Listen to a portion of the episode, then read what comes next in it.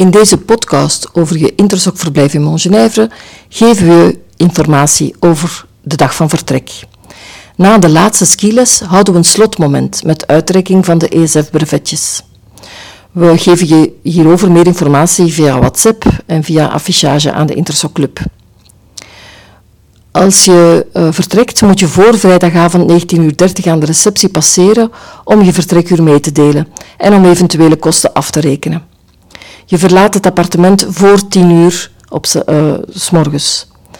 Bij het opruimen van het appartement breng je de vuilnis naar de containers en je vindt die tegenover de MNV-receptie langs de straat.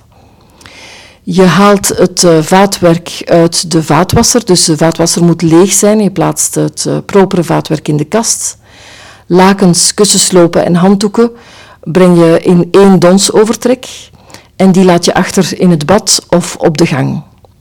Je hoeft het appartement niet zelf te poetsen, maar wel netjes achter te laten. Even stofzuigen dus. De sleutels van het appartement en de skipassen steek je in een omslag en deponeer je in de brievenbus aan de receptie van MMV indien die receptie gesloten zou zijn op het moment van jouw vertrek.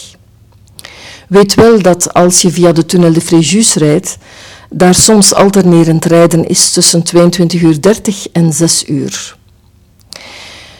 Maar natuurlijk eerst een heel fijne vakantie gewenst. En tegen het einde willen we je nu al zeggen dat we je graag terugzien op een volgende Intersok vakantie.